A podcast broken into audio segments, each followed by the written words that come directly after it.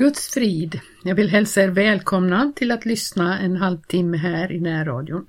Jag heter Gertrud Johansson och jag skulle vilja tala den här gången om en del tankar jag har just om tidsläget vi lever i just nu.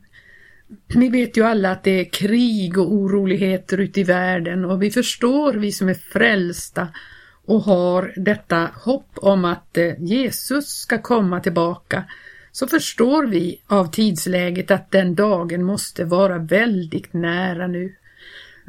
Det är tydligt att tiden lider och eh, vi kan inte ha lång tid kvar nu att verka här i tiden. Och därför har jag tänkt på detta att det gäller nu att vara vakande, bedjande, redo när Jesus kommer. Och det gäller att vara brinnande i anden. Vi hörde sången O Jesus du som fyller allt i alla. Och där, där står det i en vers där Låt elden alltid i mitt hjärta brinna. Och Herre tänd mig med din kärleks glöd så jag kan själar för ditt rike vinna och rycka dem ur syndens död, eller hur det, hur det står. Jag skulle vilja börja med idag att läsa ur Romarbrevet 12. Det är ett kapitel som handlar om de praktiska konsekvenserna utav detta evangelium som Paulus i detta brev har förklarat. Vi börjar ifrån första versen. Så förmanar jag nu eder, mina bröder, vid Guds barmhärtighet, att frambära era kroppar till ett levande, heligt och Gud välbehagligt offer, er andliga tempeltjänst, och skicka er icke efter denna tidsålders väsende, utan förvandla er genom ett sinnes förnyelse, så att ni kan pröva vad som är Guds vilja, vad som är gott och välbehagligt och fullkomligt.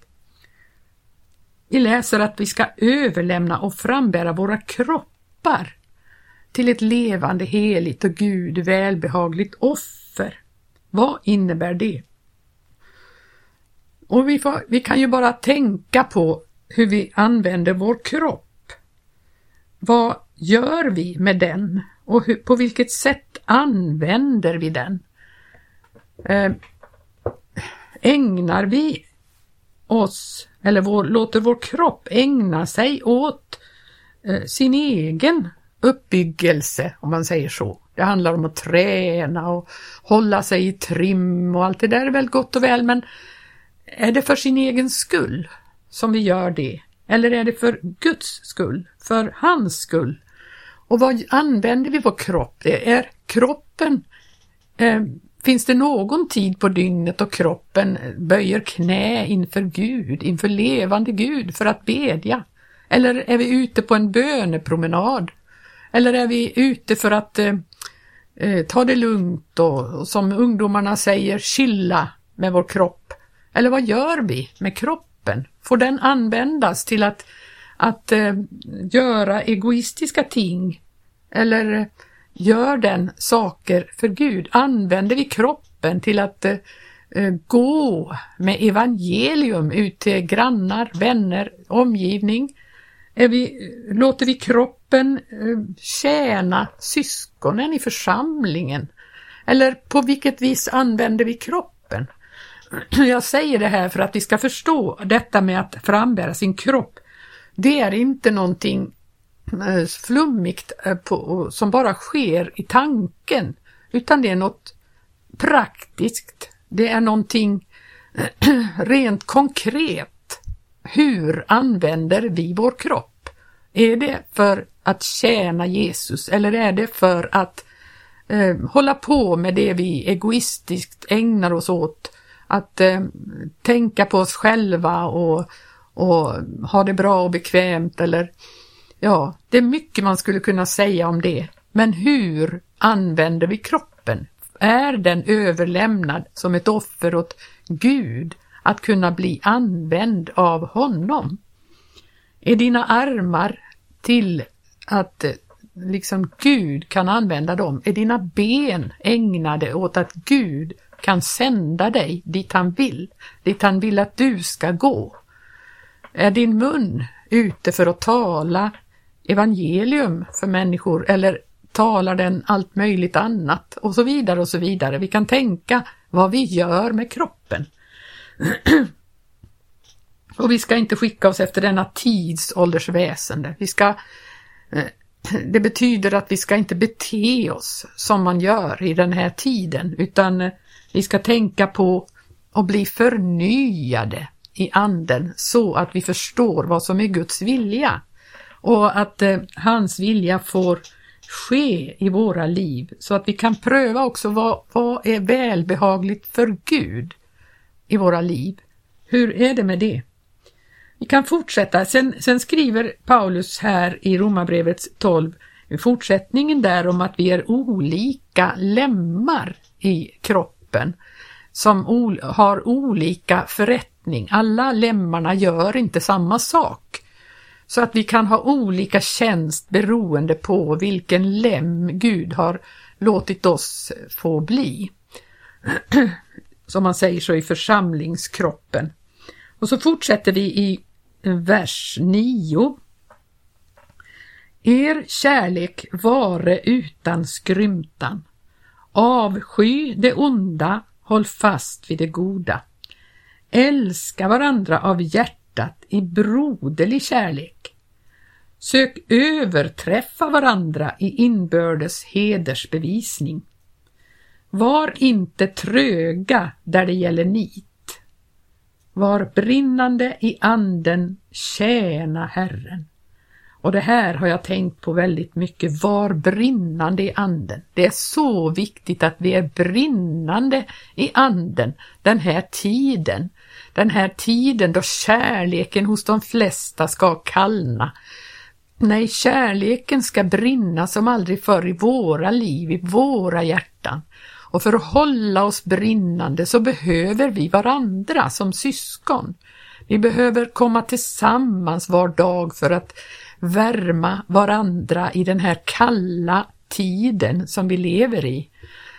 Då människor allt mer blir egoistiska och tänker på varandra.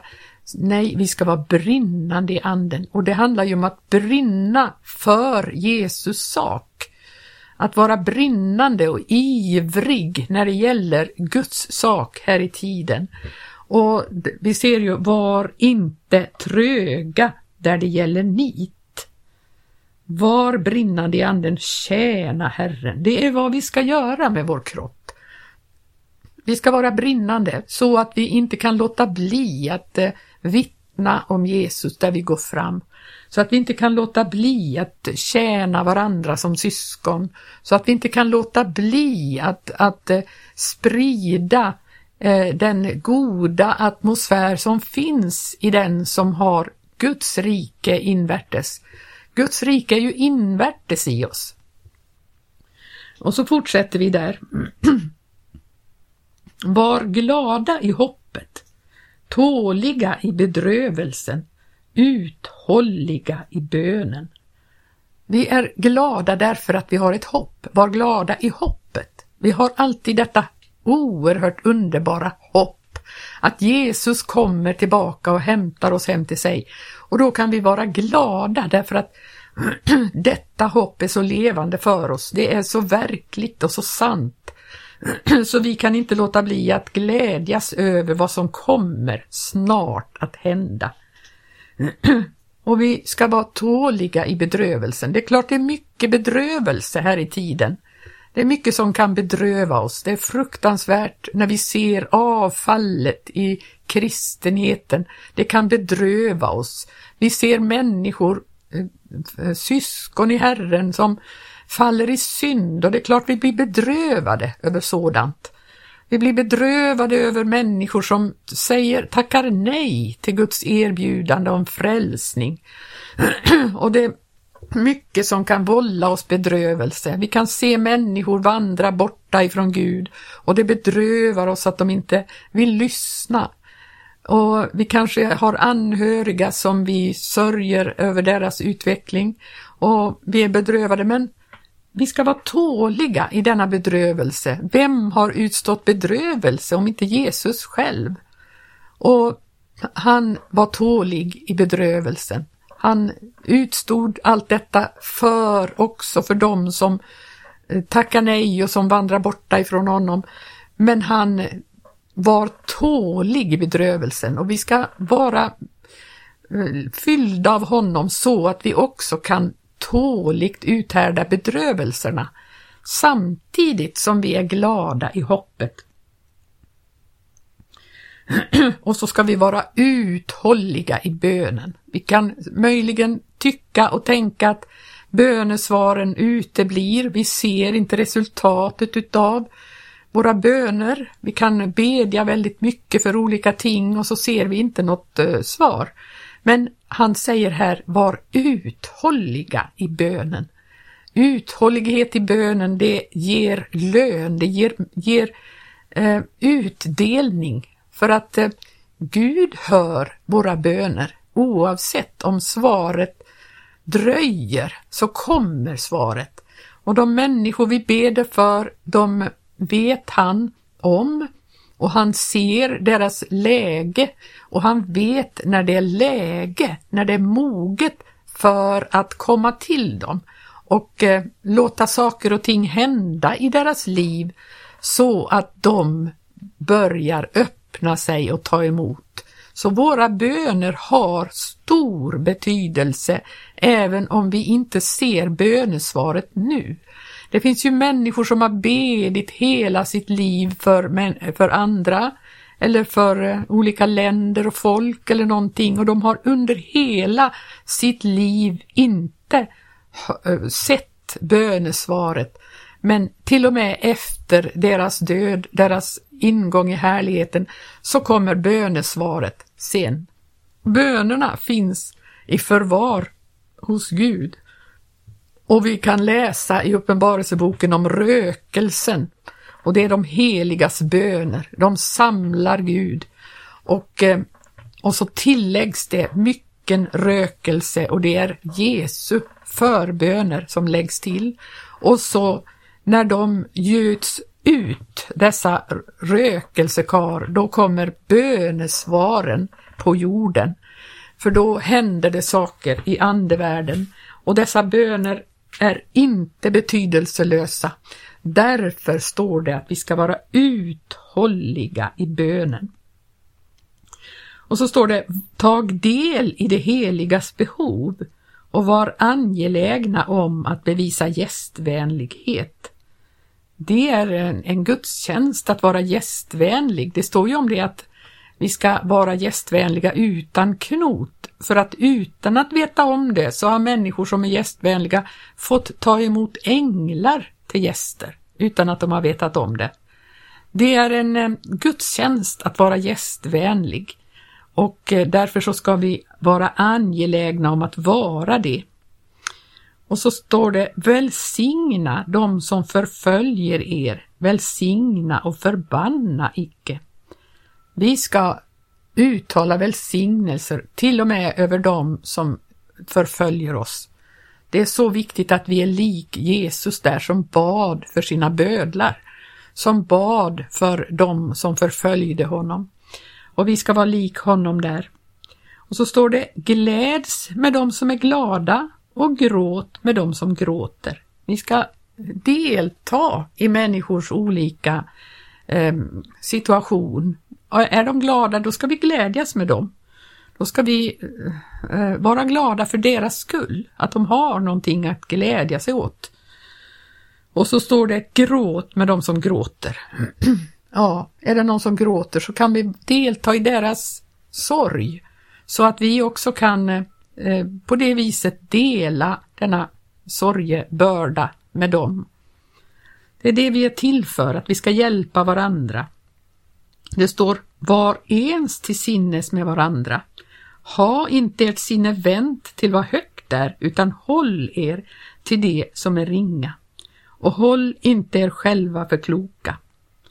Vi ska inte ha sinnet vänt till det som är högt. Vi ska inte ha sikta högt om man säger så och tro att det är sån, sån eh, någonting att trakta efter, det som är högt och upphöjt här i tiden. Nej, vi ska hålla oss till det som är ringa, det som är vi, vi, vi har vårt i himmelen, vi behöver ingenting märkvärdigt här i tiden. och håll inte er själva för kloka. Nej, all vår visdom det har vi i honom, inte i oss själva. Vi ska inte tro att vi är klokare än andra. Och så står det, vedergäll ingen med ont för ont. Vinnlägg er om vad gott är inför var man. Är det någon som har gjort dig ont, så ska inte vi göra ont tillbaka. Nej, sådan är inte en sann kristen. Man gör inte det. Man gör inte ont tillbaka. Man hämnas inte helt enkelt. Och så vi ska vinnlägga oss om vad gott är inför var man. Det betyder att vi ska eh, vara noga med att göra gott mot människor. Håll frid med alla människor, om möjligt är och så mycket som på er beror. Hämnas icke er själva, mina älskade, utan lämna rum för vredesdomen, ty det är skrivet min är hämnden, jag ska vedergälla det, säger Herren. Är det någon som har gjort ont mot oss så ska inte vi ruva på hämnd eller tycka att vi har rätt att hämnas. Nej, det har vi inte. Min är hämnden, säger Herren. Jag ska vedergälla det. Gud kommer att se till att de blir vedergällda på det sättet som de är värda, människor som har gjort ont, som har eh, sårat, som har eh, skadat någon. Då behöver inte vi hålla på med att försöka hämnas. Och så står det fast mer, om din ovän är hungrig så ge honom att äta. Om han är törstig så ge honom att dricka. Till och med våra ovänner ska vi vårda oss om på det sättet. Vi ska ge honom att äta och ge honom att dricka. Ty om du så gör samlar du glödande kol på hans huvud. Låt dig inte övervinnas av det onda utan övervinn det onda med det goda. Tänk att vi har ett sådant överläge på något sätt med detta som vi har fått av Gud, så vi behöver inte låta oss bli övervunna utav det onda. Nej, vi kommer med det goda som ett svar och då har det överläge över det onda. Tänk vilken segerställning. Gud är så god, han har gett oss så mycket. Vi ska titta lite i, i andra Pet, eller första Petri brev, andra kapitel. Det är lite parallellställe till det här med att eh, överlämna sin kropp åt eh, som ett levande, heligt och välbehagligt offer. I andra kapitlet, Petrus första brev, står det så här från första versen. Så lägg då bort all ondska och allt svek, så och skrymteri och avund och allt förtal. Allt det där ska vi lägga bort. Det är en aktiv handling ifrån oss. Vi lägger bort det nu vi har kommit i en helt annan situation för att vi är nyfödda barn. Det står det, och då ni nu är nyfödda barn, så längta efter att få den andliga oförfalskade mjölken, på det att ni genom den må växa upp till frälsning, om ni annars har smakat att Herren är god. Den andliga oförfalskade mjölken, det är naturligtvis Guds eh, rena, levande ord som vi kan få som en undervisning till oss, vilket ger oss näring för den nyfödda eh, människan i oss när vi har blivit frälsta. För då kan vi lägga bort allt det här som vi läste om i första versen.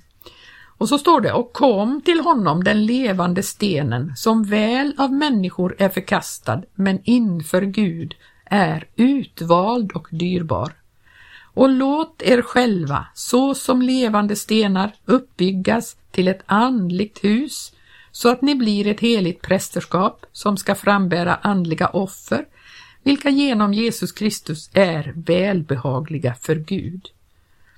Det heter nämligen på ett ställe i skriften Se, jag lägger i Sion en utvald dyrbar hörnsten och den som tror på den ska inte komma på skam. För er, ni som tror, är stenen alltså dyrbar, men för sådana som inte tror har den sten som byggningsmännen förkastade blivit en hörnsten, som är en stötesten och en klippa till fall. Eftersom de inte hör samma ordet stöter de sig, så var det också bestämt om dem. Ja, det handlar om att vi ska låta oss uppbyggas till ett andligt hus. Det innebär att vi ska låta Gud insätta oss i församlingen där han vill ha oss. Och på det viset bli tillsammans med de andra ett hus för Gud. Eh,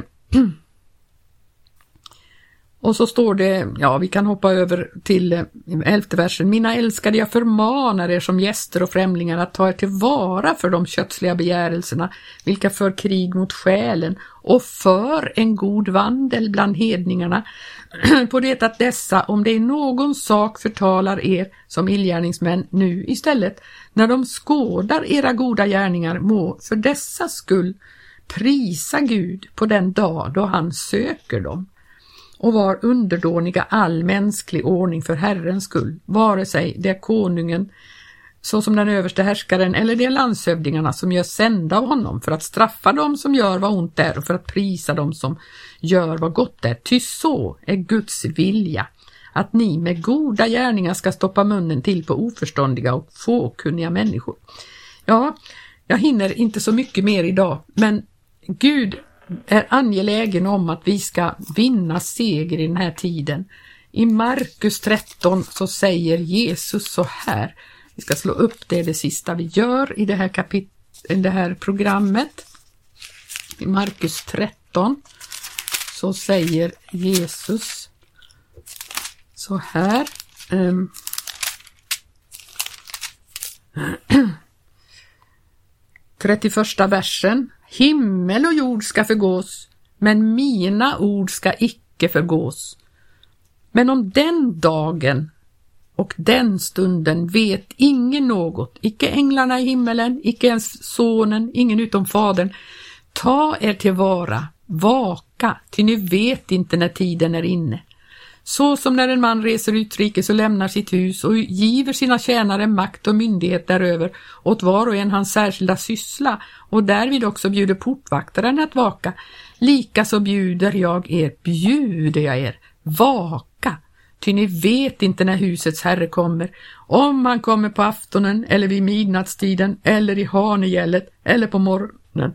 Vaka så att han inte finner er sovande när han oförtänkt kommer. Men vad jag säger till er, det säger jag till alla. Vaken. Det säger Jesus. Han varnar för oss för sömnaktighet och vi måste ta vara på detta i denna tid. Hålla oss levande och brinnande. Gud välsigne dig så kommer vi att höras igen om en vecka.